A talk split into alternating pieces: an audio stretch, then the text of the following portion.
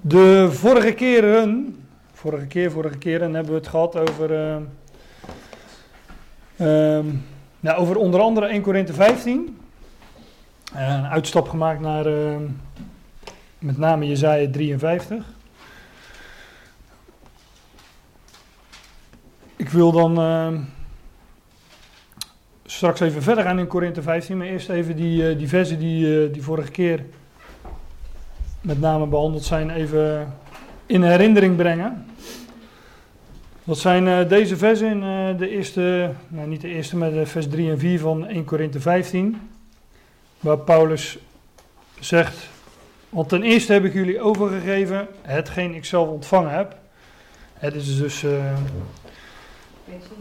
de, het fundament van het evangelie, zeg maar de, de basis, de beginselen. En die dat fundament, die beginselen, die bestaan uit dat Christus stierf voor onze zonde. Naar de schrift. Daar hebben we dus tamelijk uh, uitgebreid uh, bij stilgestaan. Um, zijn lijden en zijn sterven. Paulus vervolgt dan. En dat hij werd begraven. Nou, dat is, je zou kunnen zeggen dat is uh, inherent aan, dat hij, aan dat hij stierf. Maar hij werd begraven. En hij is opgewekt op de derde dag naar de schriften. Um, ik had eerst aange aangekondigd als onderwerp uh, Christus is opgewekt. En ik twijfel nog of ik uh, daar zo van zou maken. Uh, Christus is opgewekt op de derde dag naar de schriften. Maar um, eigenlijk is dat zo'n uitgebreid onderwerp dat je ja, de, de, de opstanding van Christus, dat dat is de, de basis van het evangelie. Dat is eigenlijk waar het hele evangelie om draait. Dat zullen we straks ook nog wel zien in dit 1 Korinthe 15. Maar heel 1 Korinthe 15 uh, spreekt eigenlijk over, uh, over die opstanding. En um, wat daar het resultaat van is en gaat worden, om, om dat even zo te zeggen. Dus ik, uh, ik wilde nu verder gaan in, uh, in 1 Korinthe 15 en met name dat Christus is opgewekt en dat hij is gezien. Dat heb ik dan ook uh, als thema aangekondigd. Dat hij is gezien, want daar gaat het uh, vervolg van uh, 1 Korinthe 15 over. ik heb niet al die versen geprojecteerd, want ik, wil toch wel wat versen behandelen uit, uit het vervolg van 1 Korinthe 15. Um, daar kunnen we eventueel de interlineair even naast leggen, mocht dat, uh, mocht dat nodig zijn. Dus die open ik dan ook even. Um, dan vervolg ik in, uh, in vers 5 van 1 Korinthe 15. En Christus is gestorven voor onze zonde, hij is begraven en hij is opgewekt op de derde dag, ten derde dagen na de schriften. En hij is van Kefas gezien, He, staat dat hij, hij is gezien. Kefos is, is Petrus. Ga ik nu niet aantonen, maar zoek met een, uh, met een concordantie uh, uh, dit woord Kefos op. En dan zie je dat ergens, ergens volgens mij in de evangelie ook gewoon gezegd wordt Kefos, dat is Petrus. Maar ik denk dat het wel redelijk bekend is. is gewoon de, de naam voor, voor Petrus. Hij wordt overigens ook nog Simon genoemd. Daar komen we straks ook nog tegen. Dus uh, de man had. Uh, de man reageerde op, uh, op meerdere namen, zeg maar, als hij me riep. Zo ken ik hem meer, maar. Hij, maar hij is van Kefas gezien. En um, ja, ik wil deze ochtend wel ook de nadruk leggen op dat hij is gezien. En dat, uh, dat vinden dan hier ook tamelijk uitgebreid uh, beschreven. Hij is van Petrus, van Kefas gezien, daarna van de twaalfen. de twaalf, de twaalf discipelen,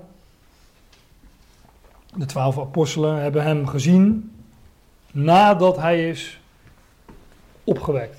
Dus na zijn opstanding hebben zowel Petrus als vervolgens de twaalf hem gezien.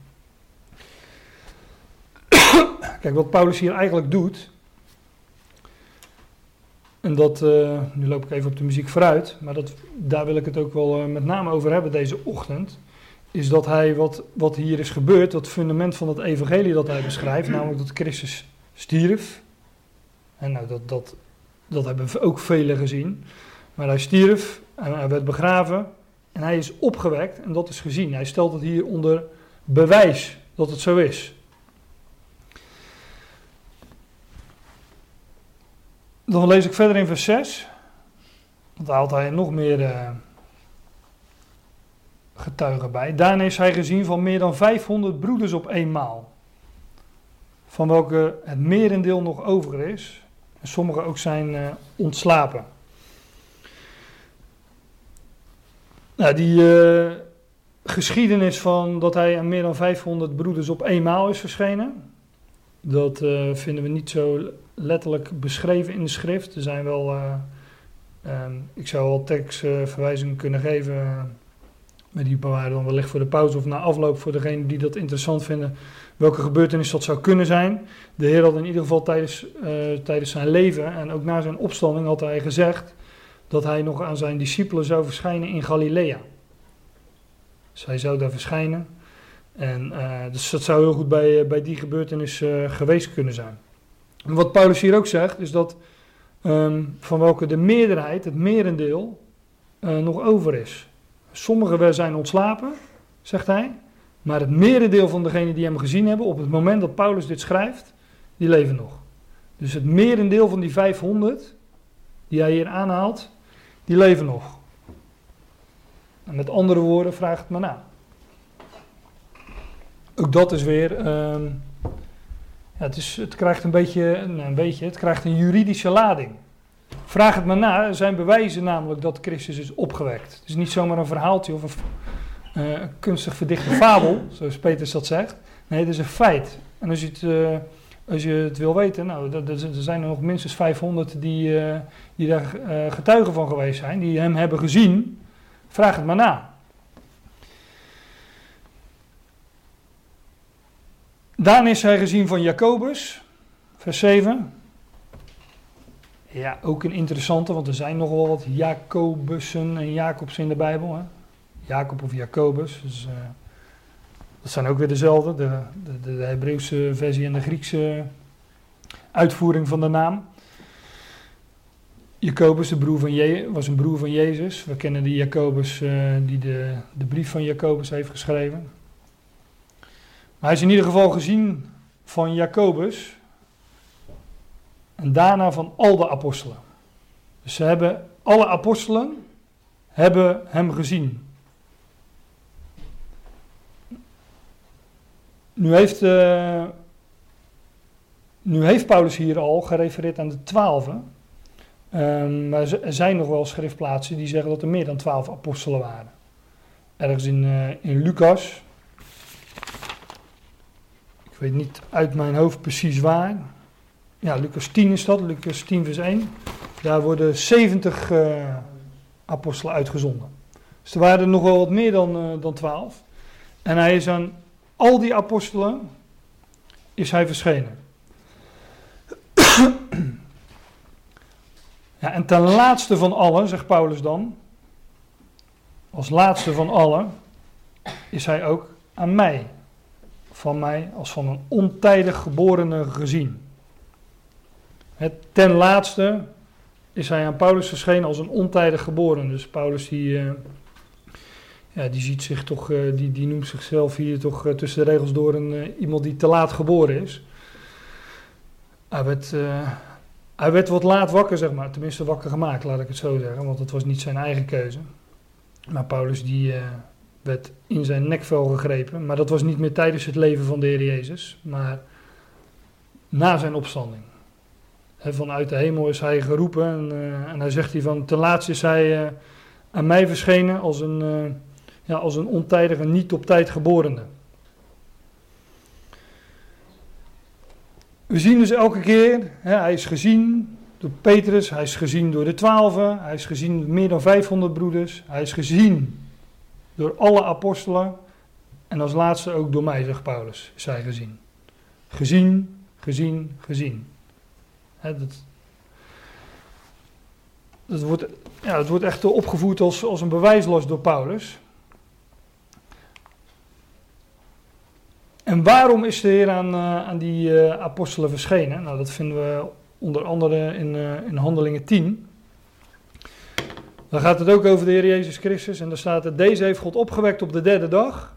En hij heeft gegeven dat hij zou verschijnen. Hè, dus na zijn opstanding, nadat hij is opgewekt, zou hij verschijnen. En niet aan heel het volk, want dat wacht tot de toekomst. Niet aan heel het volk, maar aan de getuigen die door God tevoren verkozen waren. Aan ons namelijk, die met hem gegeten gedronken hebben nadat hij uit de doden opgestaan was. Maar dat gaat hier over, uh, over getuigen. En hij is gezien opdat zij zouden getuigen. Nou, dit woordje, dit woord getuigen, ik zal dat er even bij halen uit Handelingen 10, vers 41.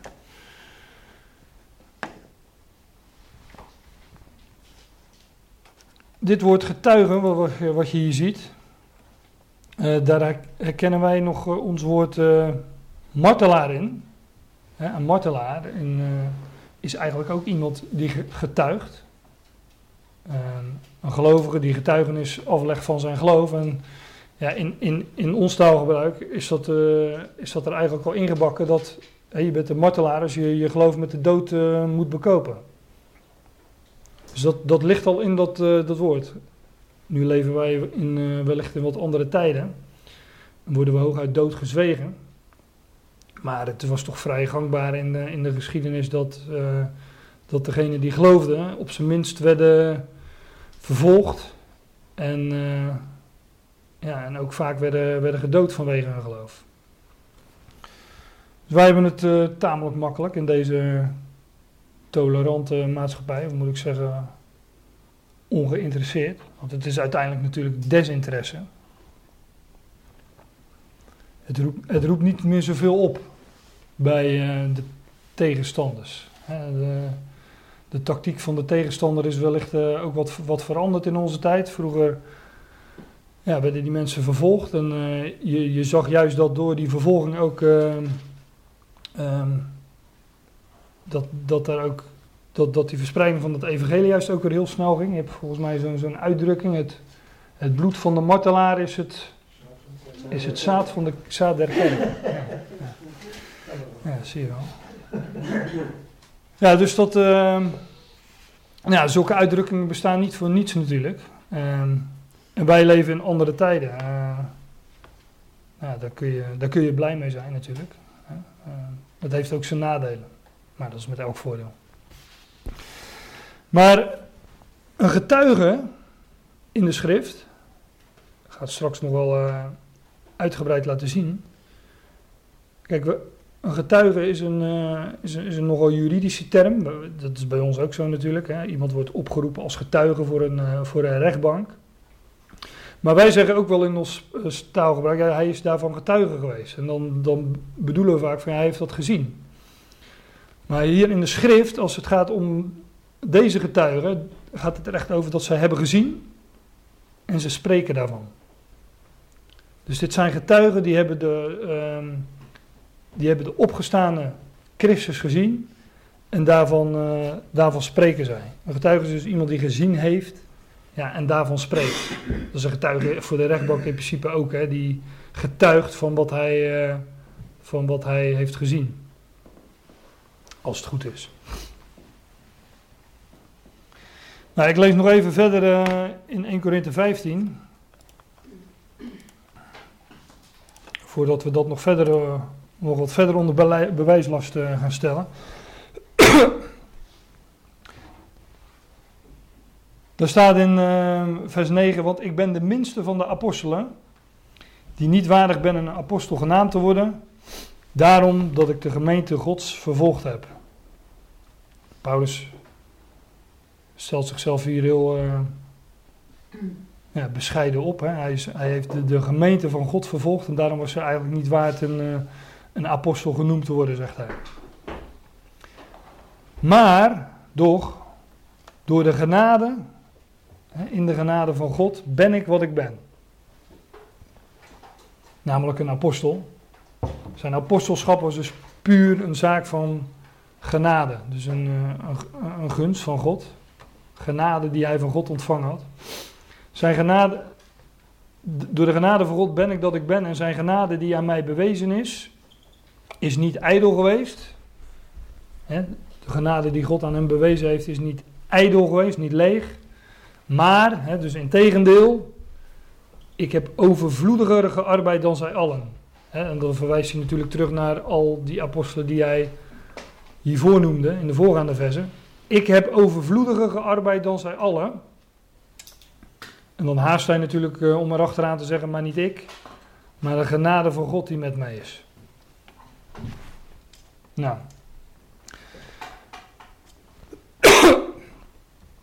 ik lees gewoon verder, want ik ga niet op elk vers uh, heel uitgebreid in. Dus ik heb nog wel wat versen te gaan. Kijk, in de ene studie is het vaak dat je wat meer op woorden inzoomt. Ik heb nu echt wel een aantal schriftplaatsen die ik uh, ja, met jullie, laten het noemen, nauwkeurig wil doorlezen.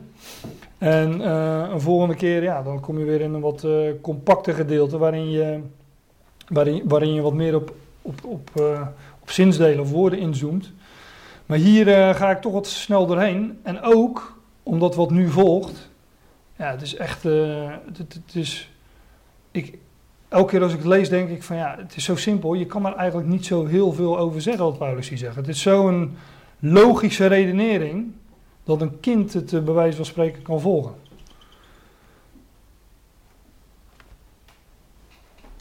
Misschien, hè, zeg ik van. Ik weet het niet zeker natuurlijk. ik hou een uh, kleine slag om de arm, anders word ik er straks op afgerekend. Paulus vervolgt dan, het zij dan ik. Het zij zijlieden. Dus het zij ik, het zij zij. Alzo prediken wij, zegt de Statenvertaling dan. En alzo hebt gij geloofd. Nou, hier kan ik wel wat over zeggen, want hier, hier staat dus letterlijk: alzo proclameren wij en zo geloven jullie. Niet heb gij geloofd, zo geloven jullie. Maar dat, dat proclameren, um, ja, dat is, een, het is eigenlijk gewoon een, eh, een uitroepen. Ik heb dat nog even opgezocht in het woordenboek. Een, een proclamatie is, gewoon, is, een, is een bericht dat je uitroept. Dat je afkondigt. Is gewoon een, is een bericht. Het is niet uh, een kwestie van. Uh, um, ik leg dat bij je neer en als jij daar nu op ingaat, dan. Nee, Paulus uh, die, die, die proclameerde. En hij zegt dat, dat doe ik, maar dat doen ook zij. Die andere apostelen. en nu zijn er natuurlijk een, er zijn verschillen tussen de apostel Paulus, die was apostel van de natieën, en de apostelen die hij hiervoor noemt, zoals Petrus. En gelaten 2 we hebben het ook wel eens over gehad, vinden we dat ook beschreven. Petrus als apostel van de besnijdenis, Paulus als apostel van de natie. Er zijn verschillen tussen, maar hier noemt Paulus juist uh, de overeenkomsten. En hij zegt, het zij dan ik, het zij zij, zo proclameren wij. En, dat, en zo geloven jullie. En dat gaat, daarmee verwijst hij natuurlijk ook uh, terug naar, die, naar vers 3 en 4, waar hij de beginselen, dat fundament van dat evangelie uiteenzet. Christus stierf, hij werd begraven en hij werd opgewekt. Op de derde dag. En dat allemaal naar de schriften. Dus dat is het fundament van het evangelie, dat is bij al die apostelen hetzelfde. hetzelfde. Daar verschilt de boodschap uh, niet in. Ja, en nu komt het, uh, waarvan ik zeg dat dat is een, uh, een hele logische redenering. Indien nu Christus gepredikt wordt, dit is eigenlijk ook wel een van de, de kernversen uit, uh, uit dit betoog. In ieder geval de aanleiding van het betoog van Paulus. Indien nu Christus gepredikt wordt, weer, weer staat er gewoon geproclameerd. Indien nu Christus geproclameerd wordt dat hij uit de doden opgewekt is, hoe hoe kan het? Hè, hoe, hoe zeggen sommigen onder u dat er geen opstanding van doden is? Maar dus blijkbaar onder die uh, Corinthiërs waren een aantal die uh, de opstanding ontkenden, of in ieder geval betwijfelden. En dan zegt Paulus, als er indien er geen opstanding van doden is, hè, als dat niet zo is, dan is Christus ook niet opgewekt. Als doden niet opgewekt worden. Dat zegt hij ook in het, volgende vers. Indien er geen opstanding van doden is, zo is Christus niet opgewekt. Indien Christus niet opgewekt is, zo is dan onze prediking, onze proclamatie ijdel, leeg. En leeg, ijdel, is ook jullie geloof.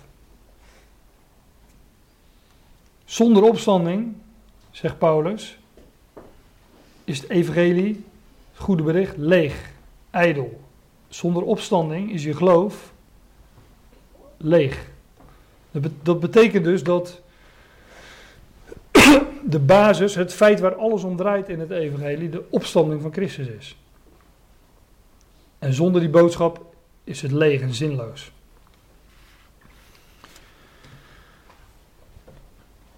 En vervolg nog, want hier staat, wel, uh, hier staat het een en ander op het spel natuurlijk.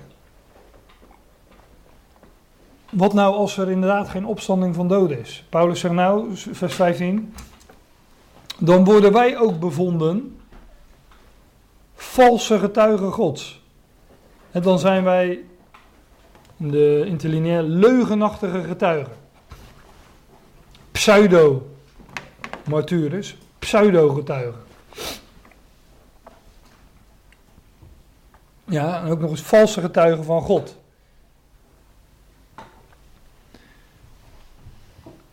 Dan worden wij bevonden valse getuigen van God, want wij hebben van God getuigd. Eigenlijk zaten wij hebben tegen God getuigd dat hij Christus opgewekt heeft.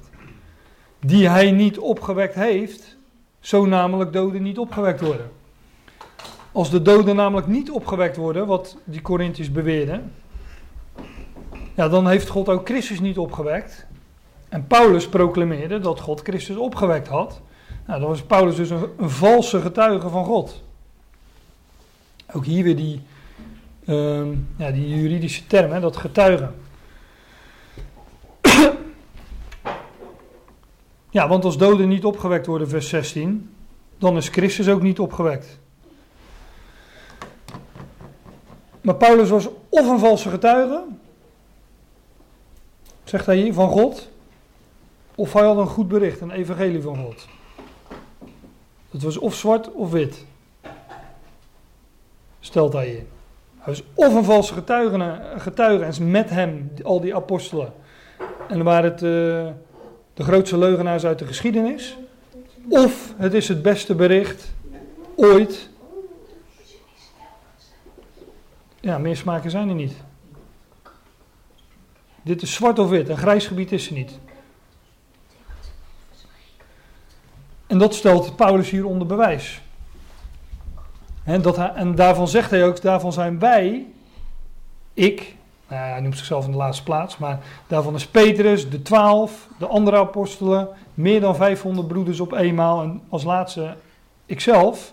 Wij zijn daar getuigen van. En wij proclameren die boodschap van het goede bericht dat Christus is opgewekt. En het is of zwart, wij zijn leugenaars, valse getuigen, en wij getuigen tegen God in.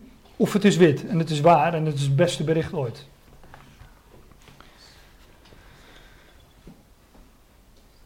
want als, vers 16, want als doden niet opgewekt worden, sowieso Christus niet opgewekt.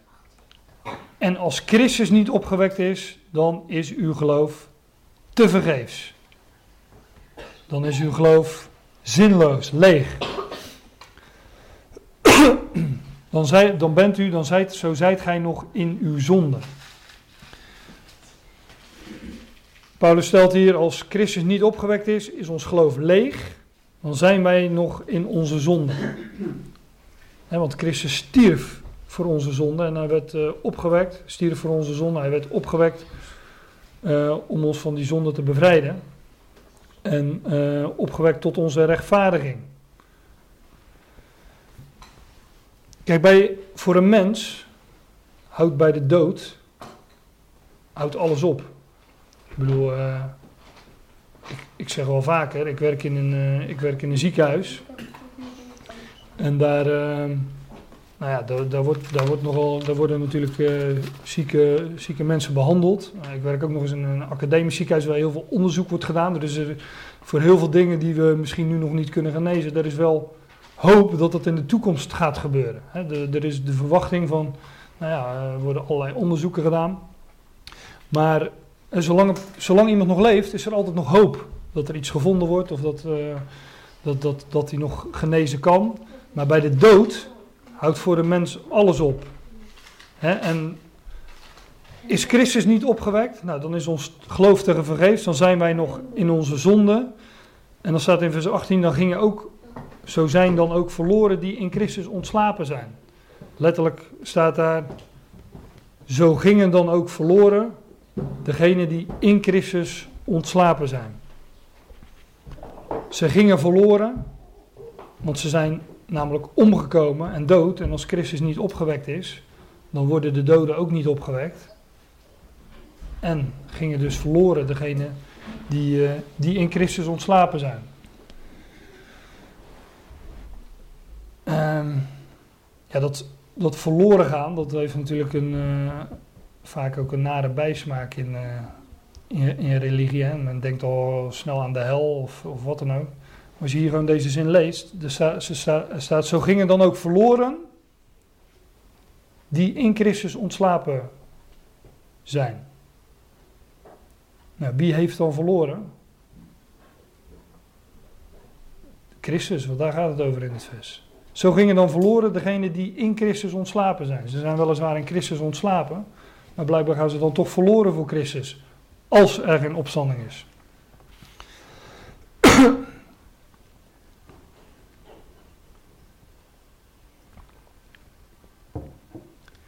nou, tot zover maar even in. Uh, in 1 Korinthe 15.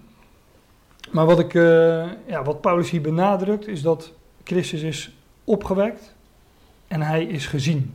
Paulus stelt dat onder, uh, onder bewijs.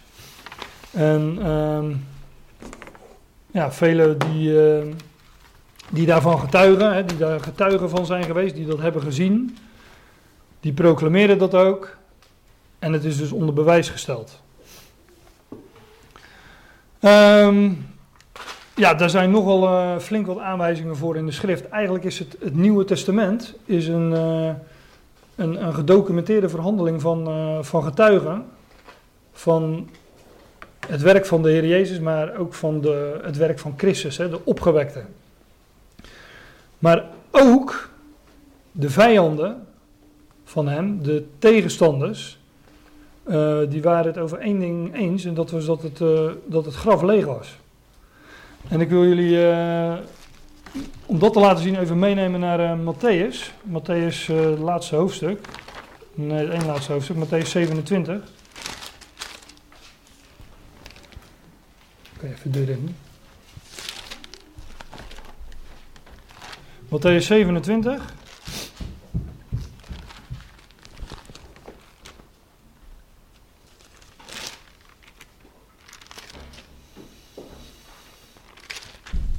Daar vinden we aan het, uh, aan het eind van, uh, van het hoofdstuk dat, uh, dat, dat Jezus begraven werd, hè, zoals ook in 1 Corinthië 15 genoemd.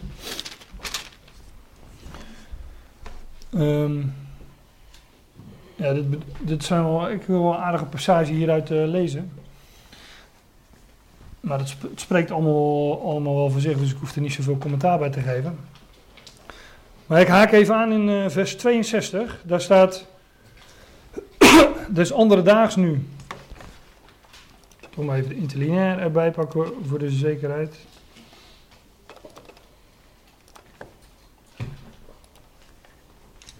Dus andere daags nu.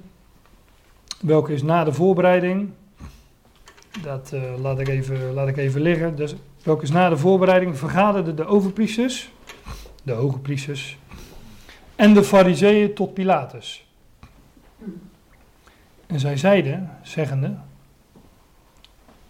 Heer, wij zijn indachtig dat deze verleider nog levende gezegd heeft, na drie dagen zal ik opstaan. Je kunt je afvragen hoe, uh, hoe wisten ze dat, want de Heer zelf um, heeft dat... Uh,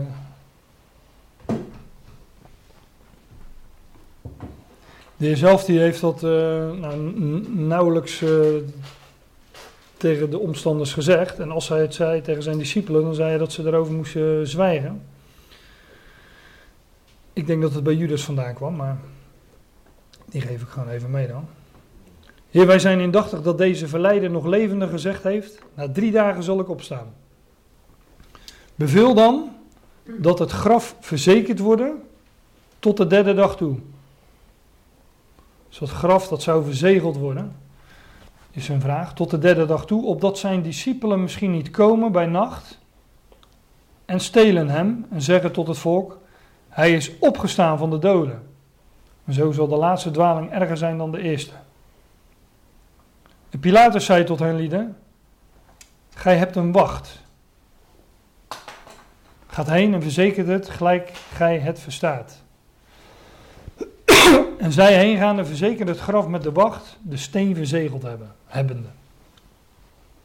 Dus dat, dat graf, hè, dat was het verzoek aan Pilatus om het te verzegelen en om daar een, een, wacht, een wachtpost bij te zetten.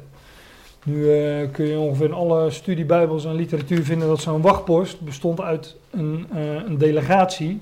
Dus niet gewoon één man die, die, daar stond, die daar op wacht stond, maar dat, ja, dat was wel een, een eenheid, zeg maar. En het graf werd verzegeld.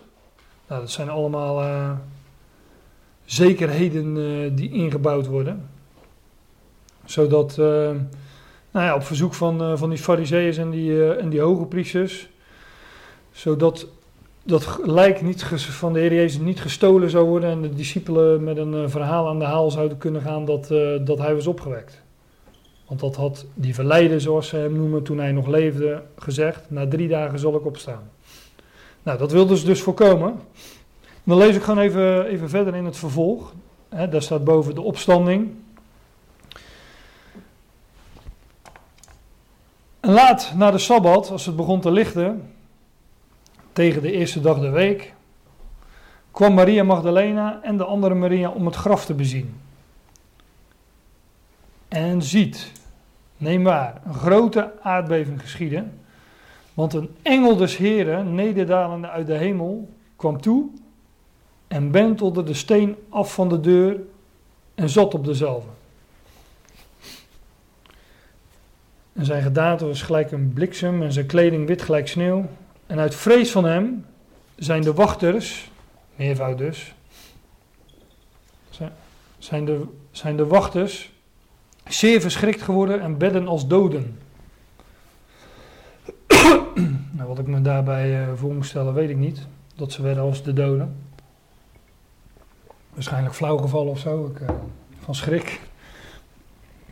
Maar er, geschiedde dus een grote aardbeving. En um, ja, wat men wilde voorkomen, namelijk dat die steen uh, werd weggewenteld, die, die steen die verzegeld was. Dat gebeurde en die steen werd weggewenteld. En die wachters zijn zeer uh, verschrikt geworden. En we lezen later ook dat ze op, op de vlucht zijn gegaan. Nou, ik lees even verder in vers 11. en als zij heen gingen, ziet, enige van de wacht kwamen in de stad. Ook hier blijkt weer overigens uit dat, dat die wachtpost, hè, dat het een, een wachtpost was die uit meerdere personen bestond. Want hier gaat het over enigen van de wachtpost. Nou, enigen is al een meervoud. En uh, dat waren ook nog eens enigen uit de wachtpost. Dus het waren er minstens drie. Maar wellicht nog wat meer. Ik zie wat mensen bedenkelijk kijken die al waarschijnlijk een slecht cijfer voor wiskunde. Maar dat kunnen we zo in de pauze even, even narekenen. Ja, Fem die staat te popelen. Als zij heen gingen, ziet enige van de wacht kwamen in de stad en boodschapten de overpriesters al de dingen die geschied waren. En zij, vergaderd zijnde met de ouderlingen en tezamen raad genomen hebbende, gaven zij de krijgsknechten veel geld. dus die overpriesters en die fariseeërs die gaven aan die, die, die, die krijgsknechten, hè, die, die, uh, die mensen uit die wacht, uit die wachtpost, gaven ze een, uh, een grote som geld. en ze zeiden, vers 13, zegt, zegt tegen zijn discipelen, zegt zijn discipelen, zegt zijn discipelen, nee niet tegen zijn discipelen, zegt, dubbele punt, zijn discipelen zijn des nachts gekomen en hebben hem gestolen als wij sliepen. Precies het verhaal dat, um, wat ze aan Pilatus hadden verteld. Hè? Verzegel dat graf opdat niet misschien zijn discipelen komen bij nacht en hem stelen en zeggen tot het volk hij is opgestaan uit de doden. Nou, dat verhaal dat leggen ze dus voor aan, uh, aan, die, uh, aan die krijgsknechten en ze zeggen, zegt zijn discipelen, zegt zijn discipelen zijn des nachts gekomen en hebben hem gestolen als wij sliepen. En indien zulks komt gehoord te worden, ja, dat is uh, statenvertaling. En indien zulks komt gehoord te worden van de stadhouder, wij zullen hem tevreden stellen en maken dat gij zonder zorg zijt. Die wachters die hadden namelijk nogal wat uh, reden om bezorgd te zijn. Want uh, zij, uh, nou dat graf was verzegeld. En dat was het nu niet meer, want de steen was weggerold. En ze waren blijkbaar ook nog eens uh, vandoor gegaan. Want hoewel zij eerst werden als de doden in vers 4, waren ze toch vervolgens naar die overpriesters, naar die hoge priesters toegegaan. Nou, die uh, lossen dat op door ze een som geld te bieden als ze hun uh, mond houden, een zwijggeld te geven. En uh, ze een verhaal op de mouw, ja, ze een verhaal te laten doen. over pseudo-getuigen gesproken. Ze een verhaal te laten doen dat zijn discipelen s'nachts zijn gekomen en hem gestolen als wij sliepen. En ook daar hadden ze dus wel reden voor om bezorgd te zijn, want ze waren ze moesten dus wel een verhaal ophangen dat ze in slaap waren gevallen tijdens hun wacht. Maar als de stadhouder dat zou horen, zeggen ze dan, in het geval dat de stadhouder dat zou horen, wij zullen hem tevreden stellen. En maken dat gij zonder zorg zijt. En zij, vers 15, het geld genomen hebbende, deden gelijk zij geleerd waren. Zij deden zoals die uh, hoge priesters en uh, fariseeën hun hadden uh, ja, overgebracht, voorgehouden, geïnstrueerd. En dan staat er, en dit woord is verbreid geworden bij de Joden tot op de huidige dag.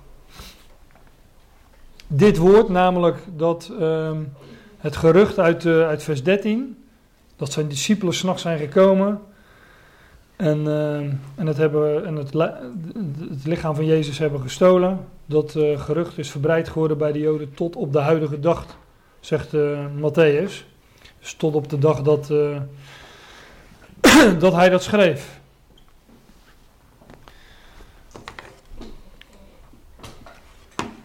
Nou, volgens mij is het een, een goed moment om, om even te gaan pauzeren.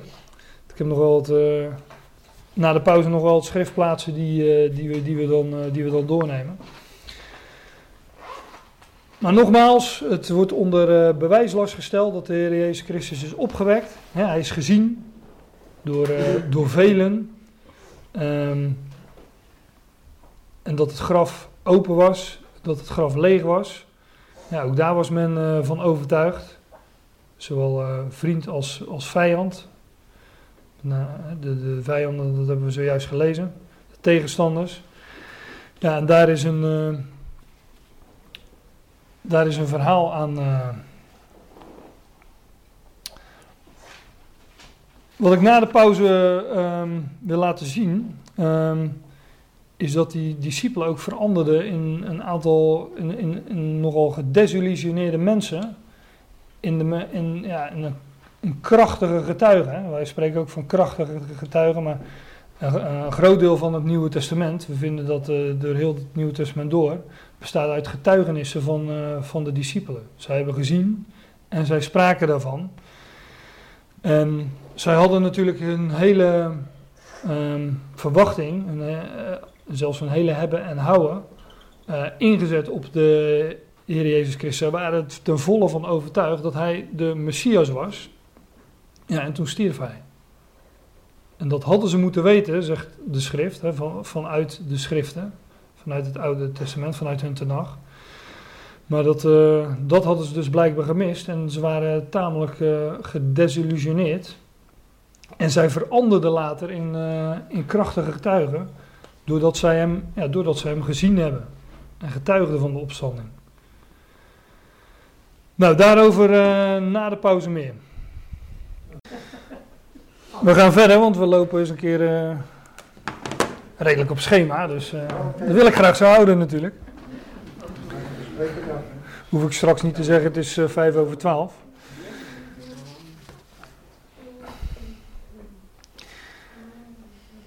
Um, ja, apostelen die uit het lood geslagen waren door de gebeurtenissen, de dood van de Heer Jezus. Maar die veranderden in, in krachtige getuigen. Dat wil ik, uh, wil ik nu laten zien. Fem, als jij. Fem? Ja. Ja? Oké. Okay. Alleen de naam noemen is al genoeg. Nou. Geen uitleg nodig. Maar een van de meest sprekende voorbeelden daarvan, die, uh, die vinden we in Lucas 24. Tamelijk bekend uh, gedeelte, denk ik.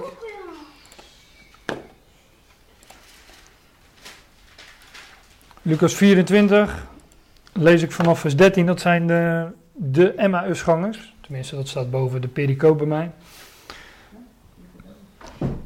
Zo worden zij in de in de volksmond genoemd, zeg maar.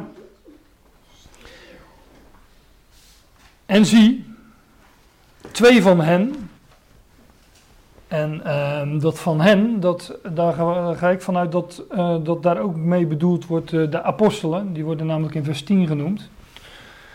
Dus ik, eh, ik reken deze twee voor het gemak ook maar tot de apostelen, die MS-gangers. Daar mag u anders over denken, maar... Twee van hen gingen op dezelfde dag naar een vlek, een dorp, dat 60 stadien van Jeruzalem was, welks naam was Emmaus. Vandaar dus de Emmausgangers, want ze gingen op weg naar Emmaus. en zij spraken samen onder elkander van al deze dingen die er gebeurd waren. En het geschiedde terwijl zij samen spraken. En elkaar ondervraagden dat Jezus zelf bij hen kwam. Dat Jezus zelf bij hen kwam. En met hen ging. Dus die twee die lopen daar onderweg van uh, Jeruzalem naar Emmaus. Uh, uitgebreid uh, in conversatie met elkaar. over wat er voorgevallen was. En toen kwam Jezus bij hen. Hij ging samen met hen. En dan lezen in vers 16: Hun ogen werden gehouden dat zij hem niet kenden. En hij zei tot hen: Wat redenen zijn dit, die gij wandelende onder elkander verhandelt? En waarom ziet gij droevig? En waarom zijn jullie zo bedroefd en uh, waar hebben jullie het over? De een, wiens naam was Cleopas, antwoordden en zeiden tot hem: Zijt gij alleen een vreemdeling te Jeruzalem en weet niet de dingen die deze dagen daarin geschied zijn? Nou, er wordt hier uh, de heer Jezus dus verweten dat hij eigenlijk niet wist wat hij had uh, moeten weten. Verwijt krijgen ze straks, uh, krijgen ze straks zelf terug. Maar, en hij zei tot hem welke? Je zou kunnen zeggen dat de Heer zich hier van de domme houdt. En hij wist natuurlijk precies waar het over ging. En hij zei tot hem welke? En zij zeiden tot hem de dingen aangaande Jezus, de Nazarener, welke een profeet was, krachtig in werken en woorden voor God en al het volk. En hoe onze overpriesters, hoge priesters, en oversten dezelfde overgeleverd hebben, tot het oordeel des doods, en hem gekruisigd hebben om onze, vorige keer in Jezaja 53, om onze overtredingen werd hij verwond. Om onze ongerechtigheden werd hij verbrijzeld. En de straf die ons de vrede aanbrengt, die was op hem. Hij werd door de overpriesters en oversten van het volk uh, overgeleverd aan de Romeinen. Tot het oordeel des doods en ze hebben hem gekruisigd. En dan uh, zeggen ze, en wij hoopten dat hij was degene die Israël verlossen zou. Dat was namelijk hun verwachting. Daar hadden ze een, een hoop en een verwachting op gesteld. Maar doch ook, maar ook, benevens dit alles, is het heden de derde dag van dat deze dingen geschied zijn.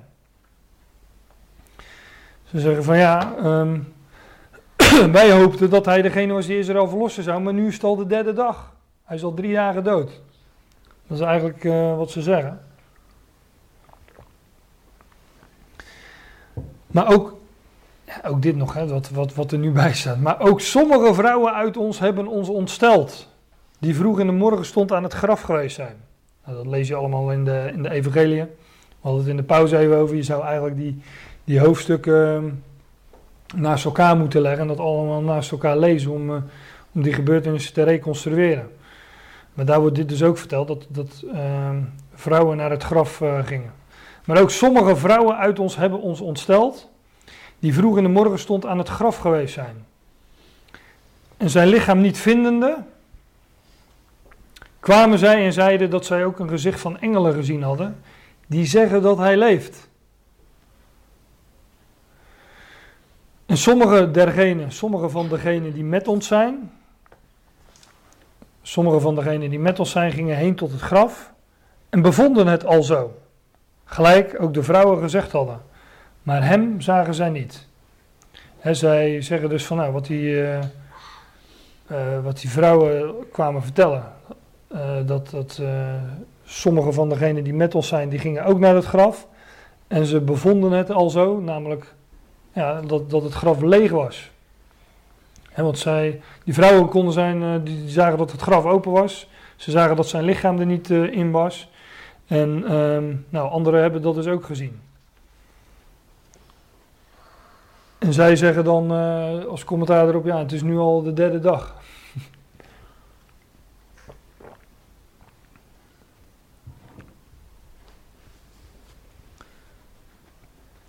En dan zegt de Heer, en dan krijgen zij het verwijt. O onverstandige, dwaze, staat er letterlijk, dwaze en trage in het hart. Om te geloven al hetgeen de profeten gesproken hebben. Kijk, zij hadden een verwachting op. Uh, ze hadden een hoop gesteld op de Heer, hè, dat, ze, dat zeggen ze ook. En ze hadden inderdaad verwacht en uh, gehoopt, hè, gehoopt, dus verwacht, dat hij Israël verlossen zou. Dat was hun verwachting. En de Heer verwijt ze dan dat ze dwaas, of onverstandig, dat is wat uh, vriendelijker, maar dat ze onverstandig en traag zijn van hart, omdat ze niet alles geloven wat de profeten gesproken hebben. Ze geloofden wel een bepaald gedeelte van wat de profeten gesproken hadden, namelijk dat de Messias zou komen en Israël verlossen zou, en zijn koninkrijk op zou richten, en de volkeren zou onderwerpen. Dat is overigens wat men tegenwoordig over het algemeen niet meer gelooft volgens mij. Maar dat, dat geloofden zij dus wel. Maar dat andere gedeelte, dat geloofden ze niet. En dat noemt hij dan ook in het volgende vers. Moest de Christus niet deze dingen leiden en al zo in zijn heerlijkheid ingaan? ze waren dwaas, onverstandig en traag van hart, omdat ze niet wisten of niet geloofden dat de Christus ook moest lijden. En al zo in zijn heerlijkheid ingaan. Nou, hoe hadden zij kunnen weten dat de Christus ook moest lijden? Nou, wat dacht je van Jezaja 53? Waar dat uh, uitgebreid beschreven wordt. Maar of ze kenden het niet, of ze geloofden het niet. Blijkbaar. Ik zou nog heel wat voorbeelden kunnen noemen. Psalm 22 is ook een bekende, waar... Uh, Waar, uh, de, waar bijvoorbeeld ook dat die, die, die uitspraak van de Heer aan het kruis genoemd wordt. Hè? Waarom, waarom, mijn God, mijn God, waarom hebt gij mij verlaten? Die komt uit Psalm 22. Maar daar wordt ook al gesproken over het lijden van, uh, dat over de Heer Jezus Christus komen zou. Nou, moest de Christus niet deze dingen lijden en al zo in zijn heerlijkheid ingaan? Dat hadden ze dus moeten weten vanuit de schrift. En dan staat er, en begonnen hebbende van Mozes en van al de profeten, legde hij hun uit in al de schriften hetgeen van hem geschreven was. Nou, ik noem, ik noem dan even net zojuist twee schriftgedeeltes waarin dat beschreven staat. Psalm 22 en Jezaja 53. Maar de Heer zegt hier eigenlijk uh, tegen deze mannen, de, deze MS-gangers, dat, het een, dat heel de schrift daarvan getuigt. Dat heel de schrift getuigt van um, het lijden dat over hem komen zou en de heerlijkheid uh, daarna volgende. En hij begint hun dat uit te leggen vanaf van Mozes en van alle profeten. En er zijn nogal wat profeten in de schrift, want niet alleen Jezaja, die ik net al noemde, was een profeet, maar uh, de psalmen uh, haalden we al aan. David wordt ook een, uh, een profeet genoemd in de schrift.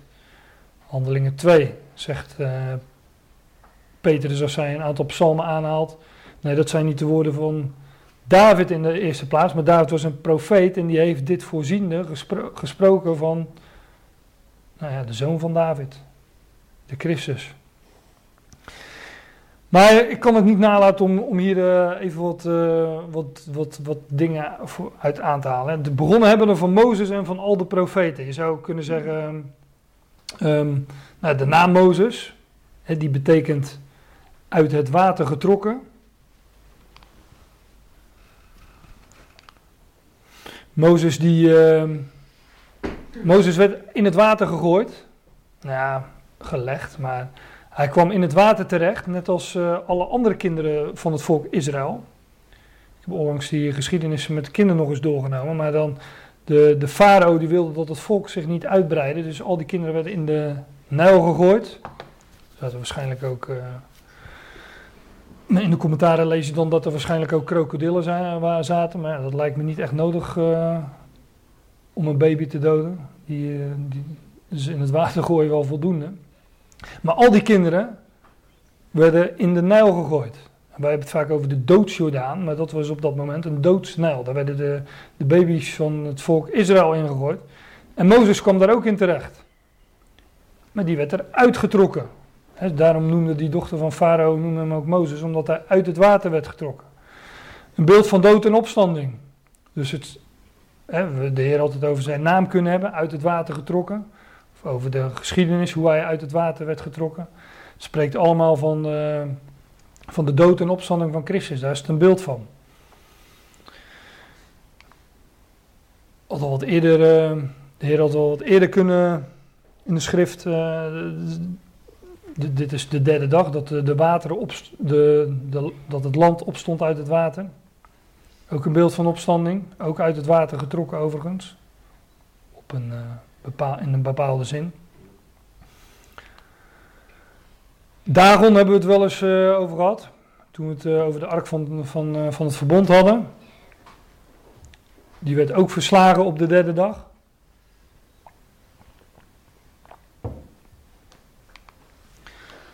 Die geschiedenis hebben we ook behandeld, de doortocht door de Jordaan. Waar ook de ark een hoofdrol in speelde. Lag aan het die ging aan het hoofd van het volk. Als eerste daar doorheen. Ook een beeld van Christus. Die, uh, die opgewekt werd. Nou, Daniel die uit de leeuwenkuil getrokken werd. Hij overleefde die, die leeuwenkuil. Nou, enzovoorts, enzovoorts. Of Abraham. Hè. Van Abraham lees je overigens ook dat hij, dat deze geschiedenis dat hij Isaac moest offeren, plaatsvond op de derde dag. ook een beeld van de, nou, de dood en opstanding van, van Christus. Maar heel de schrift getuigt daarvan. En in al die geschiedenissen, in al die, die, die plaatjes, in al die beelden vinden we die waarheid beschreven. Dat, namelijk dat de Heer Jezus Christus stierf en uit de dood opstond.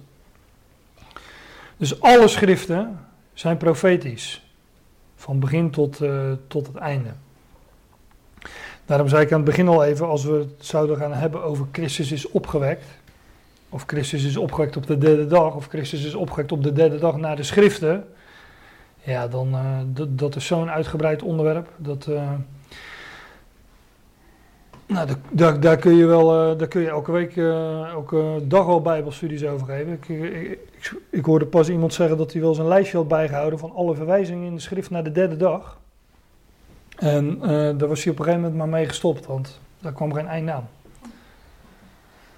Niet alleen de drie of de derde, maar er staat ook vaak um, hè, de volgende dag, dus andere daags. En als je dan telt, kom je ook heel vaak op een derde. Dus op, op die derde dag, dan gebeurt er altijd iets. En dat iets, wat er in zo'n geschiedenis gebeurt, ja, dat verwijst altijd naar die grote gebeurtenis waar we het nu over hebben, namelijk de opstanding, uh, de opstanding van Christus. Maar die Emmausgangers, die waren uit het veld geslagen, uit het lood geslagen, gedesillusioneerd. En net als de andere discipelen van, de, de, van wat er gebeurd was. En zij werden later getuigen van dat waar heel de schrift van getuigt. de schrift getuigt van de opstanding van Christus. Nou, dat, dit zijn maar uh, zes plaatjes. Ik had er uh, heel wat meer uh, naar voren kunnen, kunnen brengen. Ja, Jona. Ja. Ja. Ja. ja, ook dat. Ja. Maar ja, noem maar een geschiedenis en we vinden er echt wel een verwijzing in naar, naar Christus. Want daar spreken ze uiteindelijk allemaal van. Um, ja, Lucas 24 was dat. Um, daar, nou, daar, daar, vind, je dus, uh, zij, keren dan, zij keren dan terug naar de discipelen, naar de anderen. Vers 33, dat ze keren ze terug naar Jeruzalem. Daar vonden ze de elf samen vergaderd. Er waren nog maar elf over. En daaraan getuigen ze, de Heer is waarlijk opgestaan. En hij is van, uh, die, die elfen die zij zeggen dus tegen hen, van de Heer is waarlijk opgestaan en hij is van Simon gezien. En dan vertellen zij wat hen overkomen is. Dat zij hem dus ook gezien hebben. nou, vervolgens... Uh, verschijnt de Heer dan ook aan hen. Um, wat ik vervolgens wil doen is even doorbladeren naar het boek Handelingen.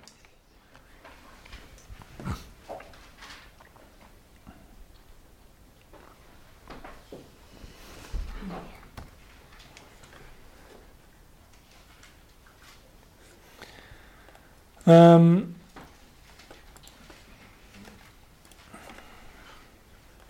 wat in handelingen, daar, uh, nou, daar heb ik gewoon eens met, met, met concordantie heb ik dat woord getuige heb ik opgezocht.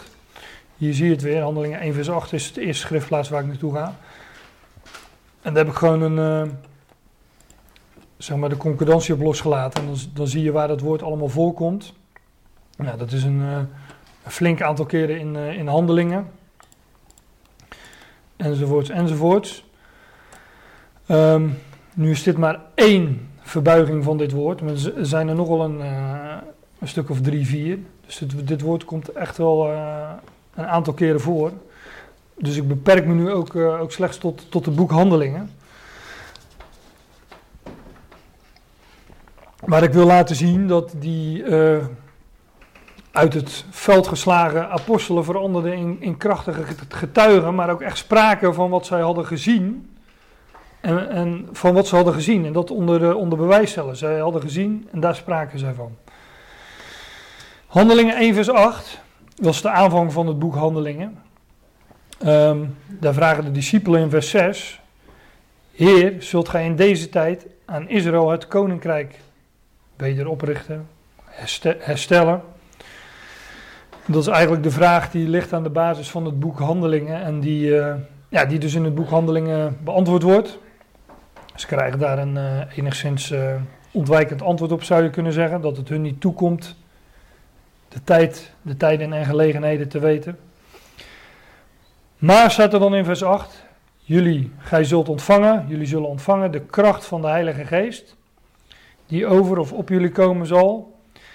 En jullie, gij zult mijn getuigen zijn. Zowel in Jeruzalem als in geheel Judea enzovoorts.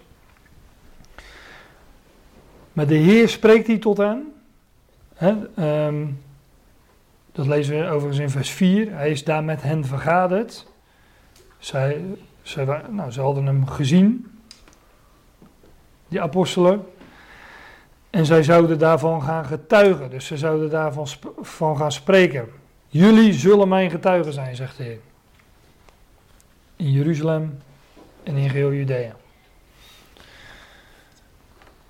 Nou, we bladen verder naar twee, eh, Handelingen 2, vers 32.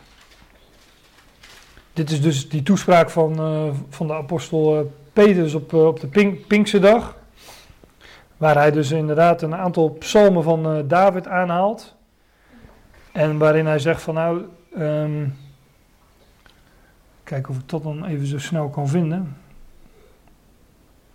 Ja, in vers 30 zegt hij dat David een profeet was.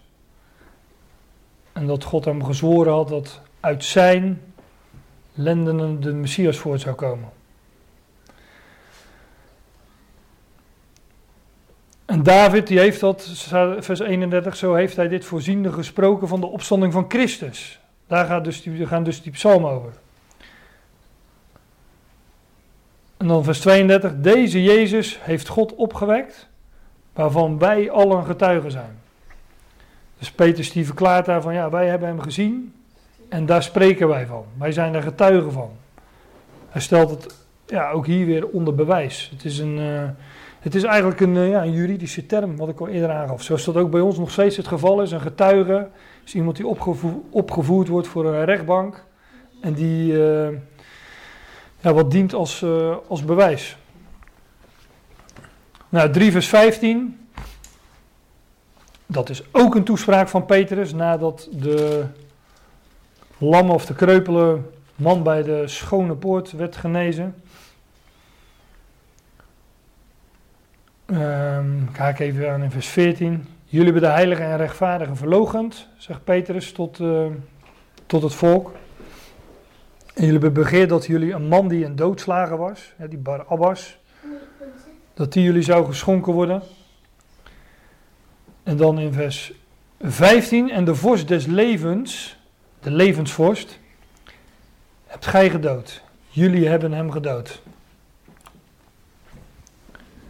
De vorst des levens, de levensvorst, hebben jullie gedood, welke God opgewekt heeft uit de doden, waarvan wij getuigen zijn, voegt hij eraan toe.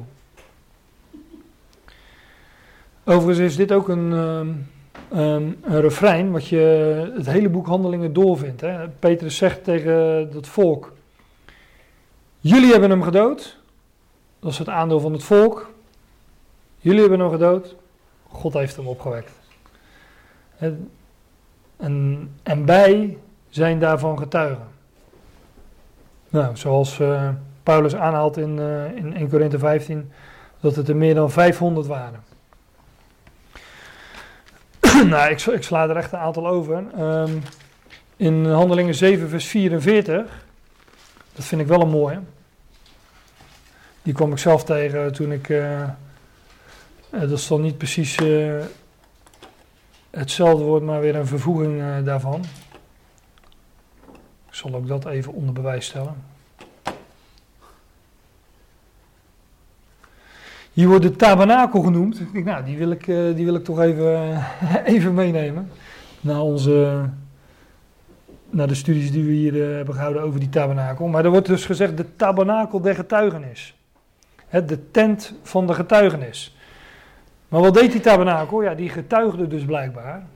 Ehm, en we, nou ja, we hebben toen tamelijk uitgebreid, hoewel, dat valt ook wel mee, maar we hebben, toen, we hebben het toen over die tabernakel gehad. En toen hebben we ook gezien dat Mozes dingen op de berg getoond waren. Dus die heeft ook gezien. Mozes heeft dingen gezien. En die werden Um, het abstracte werd zeg maar vastgelegd in, het, uh, in, in, in, concrete vormen.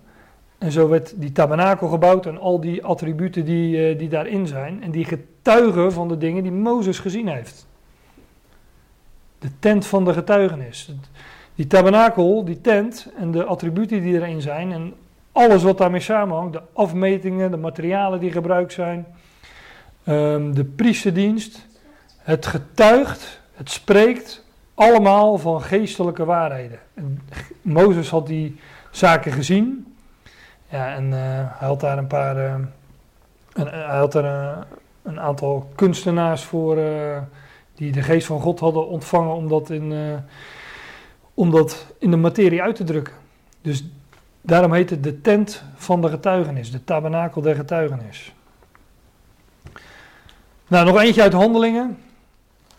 Handelingen 26, waar Paulus voor Agrippa staat. Paulus, zou getuigenis afleggen voor, uh, voor vorsten en stadhouders. Nou, dat doet hij hier dus inderdaad.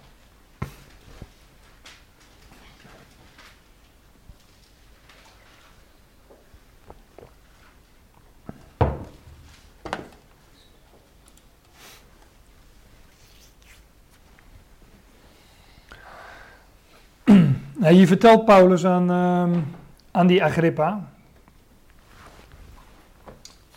Ja, aan Agrippa inderdaad. Hier vertelt Paulus aan Agrippa wat hem op de weg naar Damascus uh, gebeurd was. dat er een stem uit de hemel kwam die tot hem sprak. En uh, dat hij zei, wie, wie, wie bent u weer? Nou, ik ben Jezus die jij vervolgt. dat is uh, wat we ook beschreven vinden in Handelingen 9.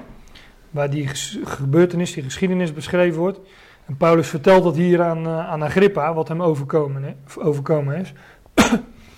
en dat, um, nou, dat Jezus dan tegen hem zegt vanuit, vanuit uh, de hemel: Ik ben Jezus die gij vervolgt, vers 15.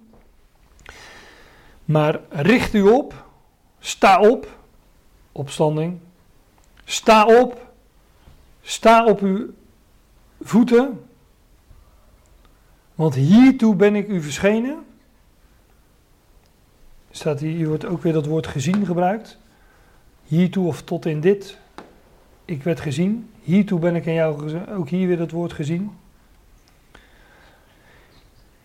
Hiertoe ben ik u verschenen om u te stellen tot een dienaar en getuige van de dingen, beide die gij gezien hebt en in welke ik u nog zal verschijnen. Paulus had de opgewekte Christus gezien, die was aan hem verschenen uit de hemel.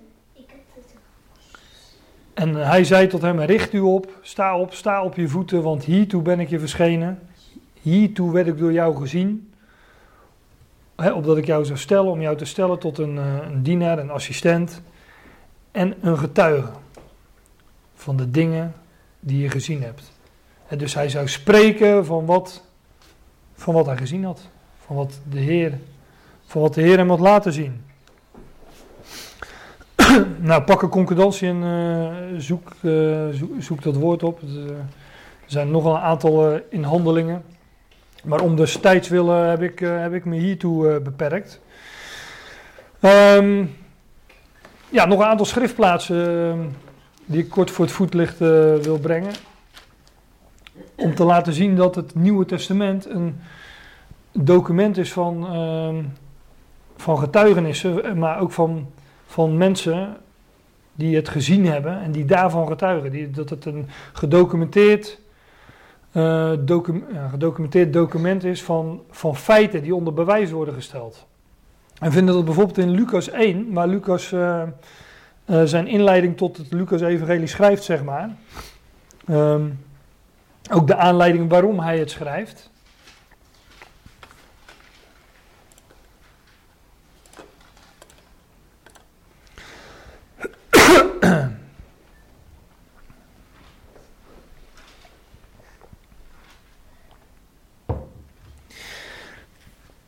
Na de maal, immers, zegt de interlinie, immers namelijk. Wat oud-Nederlands natuurlijk in de Statenvertaling. Na de maal velen ter hand genomen hebben om in orde te stellen een verhaal van de dingen die onder ons volkomen zekerheid hebben. Lange zin, maar. Gelijk ons overgeleverd hebben, die van de beginnen zelf aanschouwers en dienaars des woords geweest zijn. Ik lees even verder. Zo heeft het mij ook goed gedacht, hebbende alles van tevoren aan naastiglijk onderzocht, vervolgens aan u te schrijven, voortreffelijke Theophilus. Nou, nu even, even rustig, want het zijn nogal uh, zinnen. Lucas schrijft aan een uh, Theophilus, mooie naam uh, trouwens, betekent Theo is God, een vriend is een liefhebber, dus is een liefhebber van God.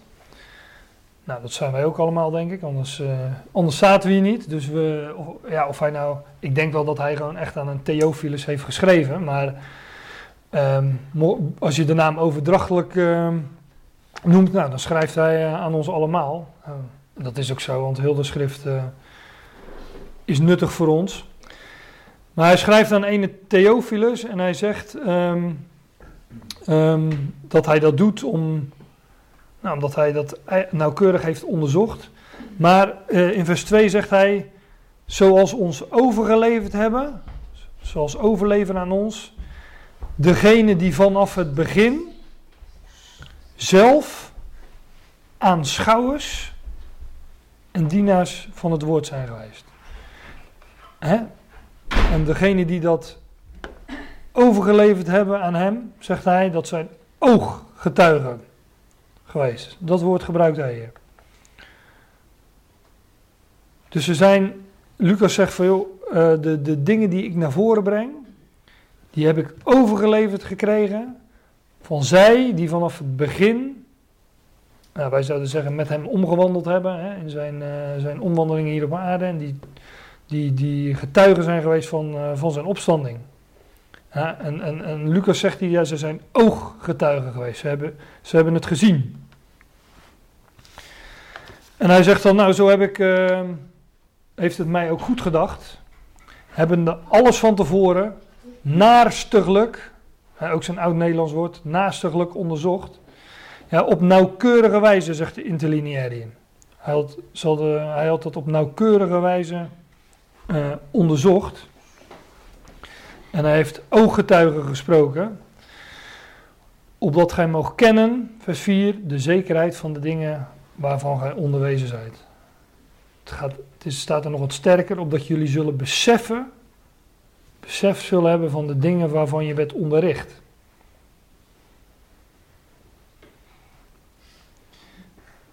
Nou, daar valt natuurlijk nog wel meer over te zeggen, maar dat, uh, dat doen we niet. Maar het is in ieder geval ook weer hier wordt zo de nadruk gelegd. Het is een, ik heb het nauwkeurig onderzocht. Ik heb het van ooggetuigen en dat heb ik op nauwkeurige wijze uitgezocht. Um, ik heb getuigen gesproken en dat stel ik op papier omdat jullie besef mogen hebben en zekerheid van de dingen die, uh, die jullie onderwezen zijn. 1 Johannes 1.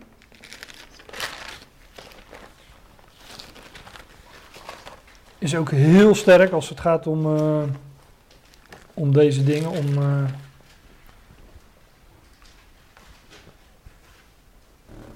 om het onder bewijs stellen van, van de zaken.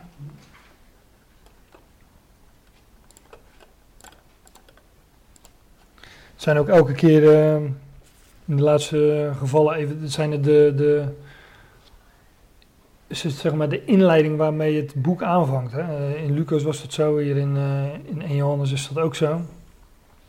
Het is, het is de basis van, eigenlijk van wat, van wat er volgt in, voor de, in de rest.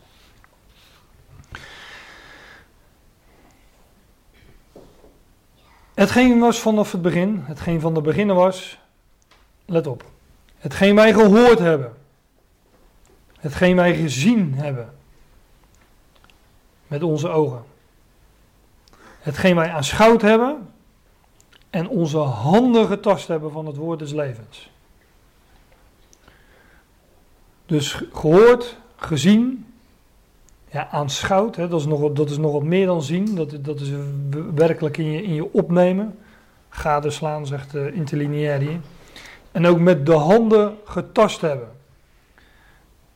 Dat was immers uh, de voorwaarde voor Thomas. Hij moest het zien en uh, als ik niet voelde de, de, de ja, ik weet niet hoe hij het precies zegt, maar de littekenen in, uh, in, zijn handen. Als ik dat niet, niet onderga, dan geloof ik het niet, zei Thomas. Maar Johannes zegt dan hier, hetgeen was van het begin, hetgeen wij gehoord hebben, gezien, aanschouwd hebben en onze handen getast hebben van het woord des levens. En dan een tussenzin. Want het leven is geopenbaard. Het leven werd openbaar gemaakt. En wij hebben het gezien. En wij getuigen, zegt hij ook hier. En wij getuigen. En verkondigen jullie dat eeuwige leven, het welk bij de Vader was en aan ons is geopenbaard zijn natuurlijk hele lange zinnen waar je, waar je wat rustiger doorheen moet. Maar het staat dus tot twee keer toe ehm, dat het, het leven werd geopenbaard. En aan het einde van het vers ook weer het wet openbaar gemaakt aan ons. Maar dat leven, dat wil ik nog wel even dat wil ik nog wel benadrukken. Dat leven wat, wat hij hier noemt, is niet het leven van de Heer Jezus zoals hij hier wandelde op aarde. Het gaat hier over de opgewekte Christus. En wat het gaat. Het, het, um, wat hij hier verkondigt, zegt hij in vers 2, is: Ik verkondig jullie dat eeuwige leven. Namelijk dat Ionische leven, dat leven van de toekomende Ion.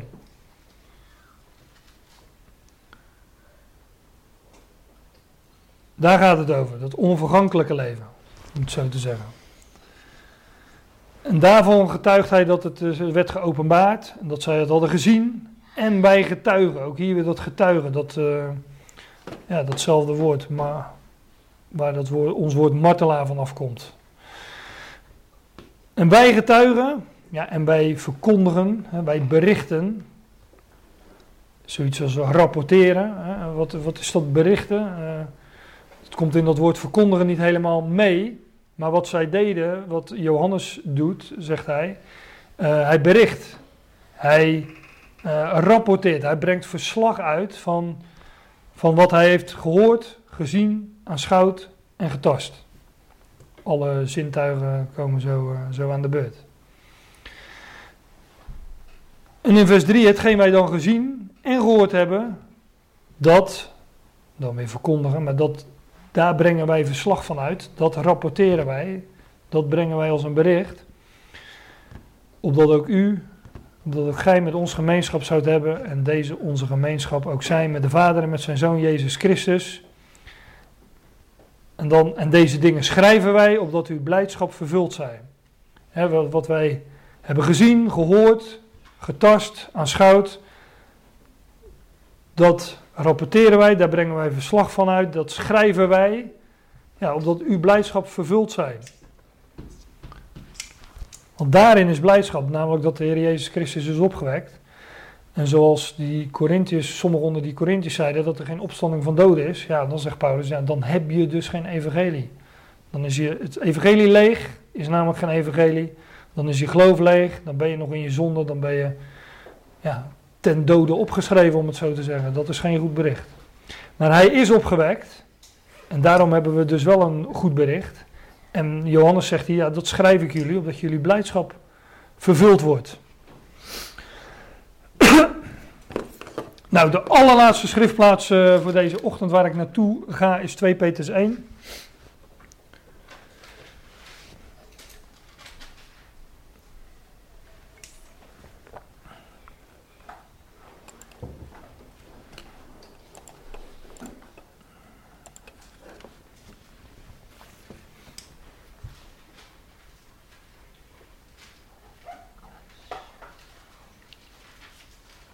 Hij zegt daar in vers 15: Ik zal ook naarstigheid doen, hè. Ik, zal mij, uh, ik zal mij beijveren.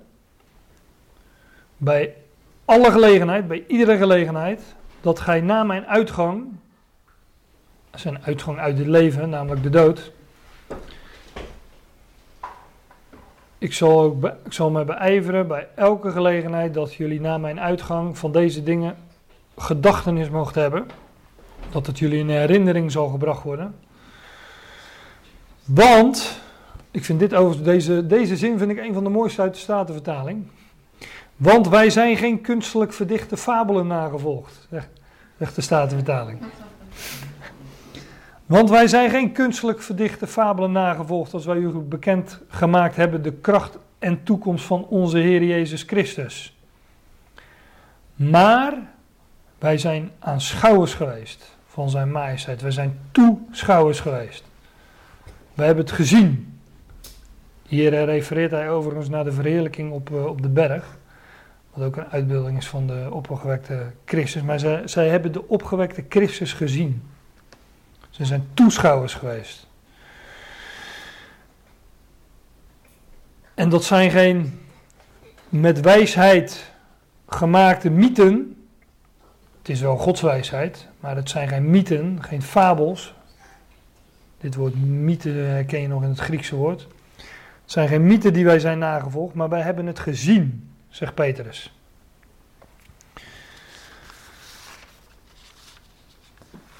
Dus het is een getuigenis van zij die het gezien hebben en die het onder bewijs stellen, ook hier in Petrus. Nou, dat uh, was wat ik uh, deze ochtend uh, eens met jullie wilde delen. Ik, ik, eindig hier nu in 2 Petrus 1.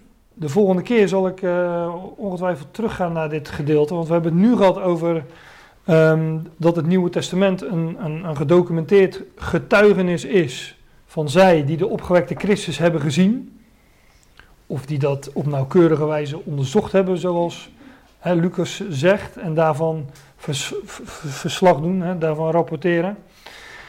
Maar de volgende keer um, wil ik eens uh, met jullie, uh, aan jullie laten zien, om het zo te zeggen, dat degene die dat gezien hebben, en degene die ze ook zeggen dat zij getuigen zijn, dat zij degene zijn die dit boek hebben samengesteld, om het zo te zeggen.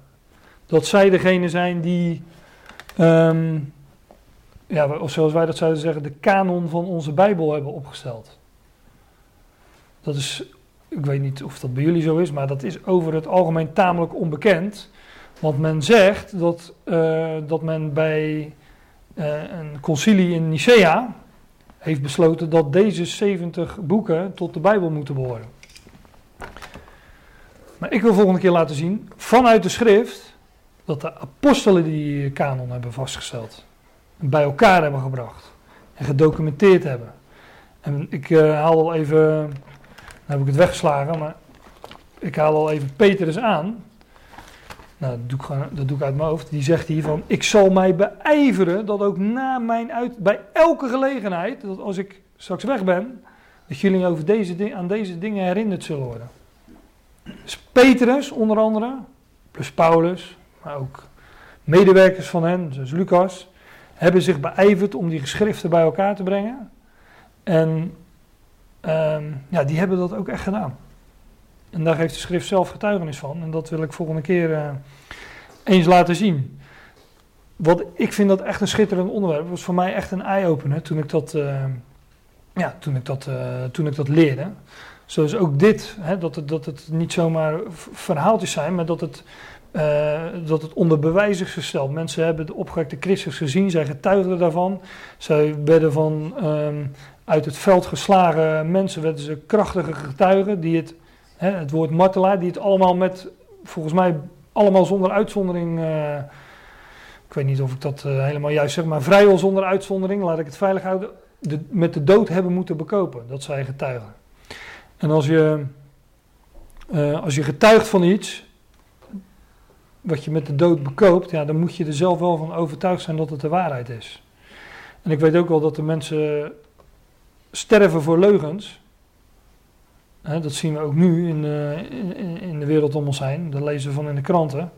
Dat de mensen sterven omdat ze een ideaal nastreven. Zelfmoord, aanslagen enzovoort. Maar ze sterven voor een leugen, maar ze zijn ervan overtuigd dat dat de waarheid is. En die discipelen, die eerst gedesillusioneerd waren en uit het veld geslagen, die veranderden in krachtige getuigen. Waarom? Omdat ze het gezien hadden. Omdat ze de opgewekte Christus hadden gezien. Ze waren er eerst van overtuigd dat um, hun wereld in elkaar stortte, om het zo te zeggen. En later gaven ze een krachtig getuigenis van een eh, opge, opgewekte en verrezen Heer.